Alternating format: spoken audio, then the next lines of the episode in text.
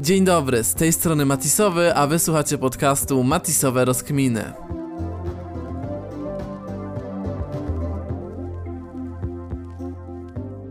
Czego nauczyło mnie życie influencera? Ostatnio troszeczkę zastanawiałem się nad swoją karierą, robiłem sobie takie, wiecie, porównania za, przeciw i ogólnie podsumowywałem swoje szczeble kariery, swoje sfery życiowe. No i zadałem sobie sam pytanie, czego nauczyło mnie bycie influencerem, życie w internecie. Chciałem na początku nazwać ten odcinek, e, czego nie lubię w byciu influencerem, czy coś tego typu, ale jakby w każdej profesji, w każdej czynności pracy, którą wykonujemy, tak mi się wydaje, że są te dobre i te gorsze strony, więc y, nie chcę też żyć y, czymś takim, że wszystko zawsze jest kolorowe, y, bo nie jest i ja nigdy tak nie twierdziłem, że zawsze musi być idealnie, ale teraz jeszcze bardziej oswajam się z taką myślą, także troszeczkę o życiu influencera i tego, co może to nas nauczyć. Zacznijmy od tego, kim tak właściwie jest influencer. Chodzi tutaj o słowo influence, e, a to słowo oznacza wywierać na kimś wpływ. A influencerzy przede wszystkim wywierają wpływ na swoich widzach, na swojej społeczności, w jakiś sposób ją kształtują i są jej autorytetem. Więc moment, w którym zauważyłem, że mam ten wpływ na innych ludzi, że staję się tym influencerem, e, był dla mnie czymś takim, że o wow, to co powiem, to ludzie robią. E, objawiało się to tym, że jeżeli polecałem jakiś produkt, to za kilka dni ktoś wysyła mi zdjęcia, że ma ten produkt, że go używa, albo że używa, nie wiem, na przykład podobnych programów do mnie, po, podobnego telefonu i naprawdę zauważyłem takie pojedyncze rzeczy, które coraz bardziej utwierdzają mnie w tym, że staję się tym influencerem. W tamtym momencie powoli zaczynałem rozumieć to, że muszę uważać i nie mogę polecać, pokazywać y, rzeczy takich, które demoralizują, tym bardziej młode osoby, bo w mojej grupie odbiorców e, pojawiają się osoby od 12 e, roku życia do 24.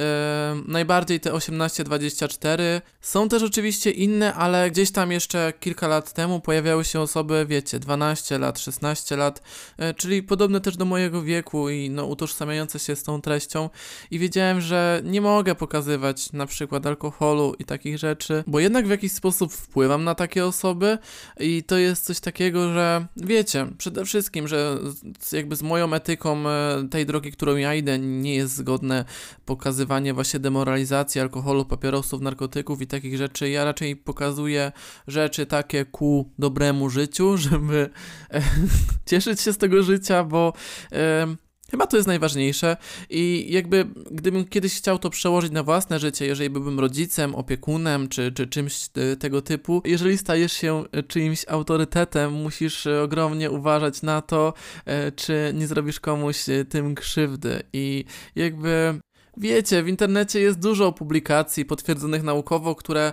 e, pokazują, że nawet nasi rodzice, którzy gdzieś tam e, nie potraktowali nas tak, jak powinni, później to wywiera na nas wpływ w przyszłości, więc e, nauczyło mnie to, żeby po prostu być e, autorytetem godnym godnym młodych ludzi i godnym, e, że tak powiem, podążania za mną. Po kilku latach bycia osobą publiczną w internecie zrozumiałem również kolejną rzecz, czyli co za dużo to niezdrowo. Gdy jesteście influencerem, dostajecie dużo udogodnień, typu dostajecie paczki z kosmetykami, paczki ze słodyczami, różne produkty za darmo, e, możecie wchodzić róż do różnych miejsc za darmo, na różne wydarzenia, na różne koncerty, na, do parków rozrywki, do Energylandii na przykład przykład i przeciętna osoba, która nie jest y, osobą popularną, za takie coś musi płacić. I ja rzeczywiście po kilku latach bycia tą osobą publiczną, która miała wszystko wyłożone na tacy, nauczyłem się tego, że nie zawsze warto wszystko brać, bo potrafi nam to nawet mówiąc wprost, zbrzydnąć. Nie wiem, zaczynając od y, nawet moich ulubionych słodyczy, które Kiedyś dostałem wielką paczkę, która ważyła naprawdę ze 20 kg moich ulubionych słodyczy i od tamtej pory, a minęły już jakieś 3-4 lata nie tknąłem tej rzeczy na półce sklepowej. Na przestrzeni lat zauważyłem, że pewne rzeczy nie sprawiają mi radości tak, jak gdybym kupił sobie je za własne pieniądze, e, bo rzeczywiście część sprzętu mam za darmo, część e, tak rzeczy, które robię na co dzień mam za darmo i mam ku temu ogromną wdzięczność, ale porównując na przykład pierwszy aparat, który kupiłem sobie za swoje pieniądze, e, a aparat, który kilka dni temu dostałem od firmy w ramach współpracy, e, no jednak radość, gdy kupowałem sobie aparat sam, sam jakby za swoje własne pieniądze, była o wiele większa, ale również ogromnie jestem wdzięczny za takie prezenty. Teraz już jestem na takim etapie, że przebieram tę współpracę, dokładnie wybieram, jestem wdzięczny, e, mam ustalone konkretne publikacje. Słuchajcie, ja też nie chcę, żeby to zabrzmiało, że dostaję rzeczy za darmo i jeszcze narzekam, że nie cieszę się z nich, bo oczywiście, tak jak mówiłem, jestem z nich wdzięczny, jestem zadowolony, że coś takiego dostałem ale muszę też pamiętać o umiarze i nie mogę tak robić jak kiedyś, że moje ulubione słodycze do mnie piszą, moja ulubiona marka głośników do mnie pisze i biorę to wszystko, bo później robi się chaos i powiem wam, że do tej pory jakby próbuję uporać się z nadmiarem rzeczy, pojawiają się jakieś, teraz już marki tego nie robią, ale kiedyś było, że nie wiem, dołączali jakieś plecaki obrędowane marką, jakieś, y, słuchajcie, no nie wiem, nawet... Yy, słuchawki, które mają logo jakiegoś tam słodycza czy czegoś i kurczę, słuchajcie, mam tyle tego, ale ani nie mogę tego wyrzucić, sprzedać, e, nawet jeżeli gdzieś tam, nie wiem, wystawiam czy coś, no to raczej nikt takich rzeczy nie kupuje. Więc gdzieś tam teraz staram się rozważniej dobierać takie rzeczy i wydaje mi się, że powoli zaczyna mi to wychodzić. Generalnie wiecie jak to jest, jeżeli czegoś macie za dużo, to w końcu wam to brzydnie i naprawdę bycie influencerem sprzyja temu. Podpisując wiele umów, podejmując różnego rodzaju współpracę, nauczyłem się prawa. Słuchajcie, paragrafy już nie są mi obce. Wiem, w jaki sposób powinna być skonstruowana umowa. Znam również swoje prawa. Wiem też, że mam prawo do negocjacji umowy. Nie muszę podpisywać wszystkiego, co mi dadzą i krzywić się, że no, nie odpowiada mi to, ale jeśli chcę pracować, jeśli chcę coś robić, to muszę to podpisać. Już takie rzeczy wiem i naprawdę pomaga mi to w dorosłym życiu, bo kiedyś umowa była tylko papierkiem. Jak miałem, nie wiem, 17 lat, no to papierek, który pozwoli na to, żeby podjąć współpracę, żeby dostać pieniądze. Teraz jest to coś więcej, bo to też są moje prawa, to też są e, rzeczy, jakieś różne zakazy konkurencji. E, I teraz e, czuję się swobodniej w momencie, w którym na przykład podejmuję normalną pracę lub zatrudniam kogoś, to wtedy wiem też, w jaki sposób negocjować negocjować takie rzeczy. E, wiem, co jest poprawne, co nie jest poprawne i wiecie, pięć stron umowy nie jest już dla mnie straszne. Poza tym mogę wspierać moich bliskich, którzy nie są prawnikami, a często podpisują umowy najmu, umowy o pracę, wiecie, różne inne umowy kupna i sprzedaży. Jak się okazuje, takie rzeczy wcale nie są trudne, ale no mi potrzeba było no około 5 lat praktyki, żeby rozumieć wszystkie paragrafy. I teraz już wiem, że mogę podpierać się kodeksem pracy, kodeksem karnym, tymi wszystkimi, wiecie, klauzulami i tak dalej, więc jakby wiem, co się dzieje i wiem, z czego korzystać, kiedy potrzeba.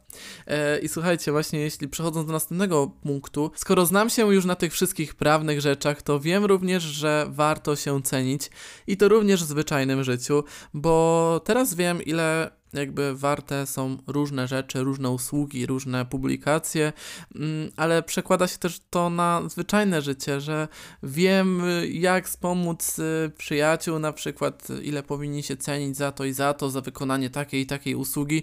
Wiadomo, że w branży czasami wideo, ale czasami też zdarza się, nie wiem, ostatnio doradzałem w branży zupełnie niezwiązanej, w jakimś tam mikrobiznesie, w którym ktoś sprzedaję świeczki, coś takiego, więc jakby coraz bardziej znam rynek i wiem już teraz, że jeżeli daję coś od siebie, jeżeli to jest po prostu moja praca, warto się cenić i jeżeli czujesz, że robisz coś dobrze, dlaczego nie miałbyś brać za to pieniędzy lub po prostu większych pieniędzy? Będąc osobą popularną, rozpoznawalną, mającą jakieś y, większe zyski, y, trzeba uważać na znajomych. Y, teraz od razu mówię o znajomych, którzy są gdzieś wśród mnie, którzy są moimi przyjaciółmi, przyjaciółmi. E, nie chodzi o was, bo takich, o których za chwileczkę będę mówił, już pozbyłem się z mojego życia, także jeżeli jesteś moim bliskim, to nie mówię na pewno o tobie. Słuchajcie, mając jakąś tam rozpoznawalność, zarobek, benefity, o których mówiłem wcześniej, Często pojawiają się wokół nas ludzie, którzy chcą również mieć zysk z nas. Skoro idziesz na, za darmo do jakiegoś miejsca, weźmie ze sobą, na pewno też nie będę musiał płacić. Skoro zarabiasz tyle pieniędzy na dodaniu jednego posta na Instagrama, no to zapłać za mnie w sklepie, no przecież co ci robi za różnicę to? No właśnie, teoretycznie nie robiłoby mi to żadnej różnicy i znam takie osoby, które są internetowymi twórcami i które co się znam, no aktualnie nie osobiście, ale miałem styczność z takimi osobami, które najzwyczajniej w świecie płaciły ze swoich przyjaciół, zabierały ich wszędzie ze sobą i z jednej strony jest to naturalne, bo ja nadal mając swoich bliskich, gdy dostaję jakieś produkty, gdy, gdy gdzieś na przykład mogę jechać bezpłatnie ym, i, jeszcze z tego zarobić, no to te osoby ze sobą zabieram i im pomagam, dzielę się na przykład produktami, to jest jasna sprawa, yy, tylko trzeba sobie selekcjonować znajomych i przyjaciół w ten sposób, żeby później nie okazało się, że gdy ty czegoś potrzebujesz, to zostajesz na lodzie. I niestety w świecie tego całego show biznesu niestety jest wielu takich intruzów, którzy jakby tylko czekają, aż, aż dasz im coś od siebie, a najlepiej, e, że ich po prostu wypromujesz. I jakby, tak jak mówię, to jest też trudny temat, bo z jednej strony swoim przyjaciołom, swojej rodzinie dałbym wszystko, ale z drugiej strony trzeba na to uważać, bo wiecie, w końcu skończy się na tym, że zostaje się czyimś sponsorem, a no mimo, że gdzieś tam komuś łatwiej coś przychodzi, to nadal jest czyjaś praca i czyjś zarobek, więc tak też, yy, tak też uważam, że właśnie niestety pojawia się wielu takich intruzów i też jakby zauważam w internecie czasami taki trend, że jedni promują drugich i tak dalej. Yy, no, też wam muszę powiedzieć, że często jest tak, że jeżeli widzicie, że wasza ulubiona influencerka e, nie wiem, z kimś nagrywa czy coś, to często taka właśnie osoba płaci tej influencerce, żeby z nią nagrała, albo no zawsze tam jest jakiś haczyk, że oni tam no, nie robią tego za darmo, wiecie o co chodzi. E, no aczkolwiek e, oczywiście, że zdarzają się takie osoby, które robią to za darmo i które pomagają za darmo.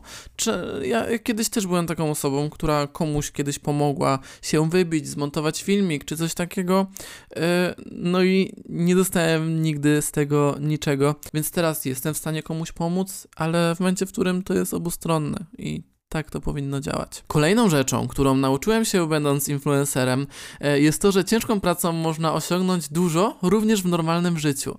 Już mówię wam, do czego dążę. Ja wiem, że wspinając się po, po szczeblach mojej kariery, ciężko pracowałem, że starałem się e, robić wszystko jak najlepiej, dopracowywać wszystko i robić wszystko zgodnie ze sobą. I też wiem, że czasami zdarzało się, że czegoś nie robiłem zgodnie ze sobą, że robiłem coś wbrew swojej woli, że nie przykładałem się do czegoś i właśnie w tych momentach, w których to nie było zgodne ze mną, nie przykładałem się, wszystko szło w dół. I słuchajcie, po prostu szło mi gorzej, a z kolei też widziałem, że jak robiłem coś tak jak ja lubię, to szło najlepiej na świecie. I teraz już właśnie po tych latach w internecie, w których gdzieś tam jestem już y, no, Myślę, że mogę już przyznać zmęczony czasami to byciem osobą publiczną i wolę sobie coś porobić prywatnie. To nauczyłem się, że nawet prywatnie Wiecie, tutaj jest właśnie obalenie tego stereotypu, że e, osoba popularna ma łatwiej i w internecie to w ogóle można dorobić się krocia i że no ogólnie jest łatwo. E, słuchajcie, w normalnym życiu, takim, w którym pracujecie w normalnej pracy, też jesteśmy w stanie zrobić wiele, bo robimy coś zgodnie ze sobą, przykładamy się do tego i regularnie również robimy sobie takie, nie chcę mówić rachunki sumienia, bo to już brzmi bardzo tak, wiecie, wiara, po prostu rozmowy ze...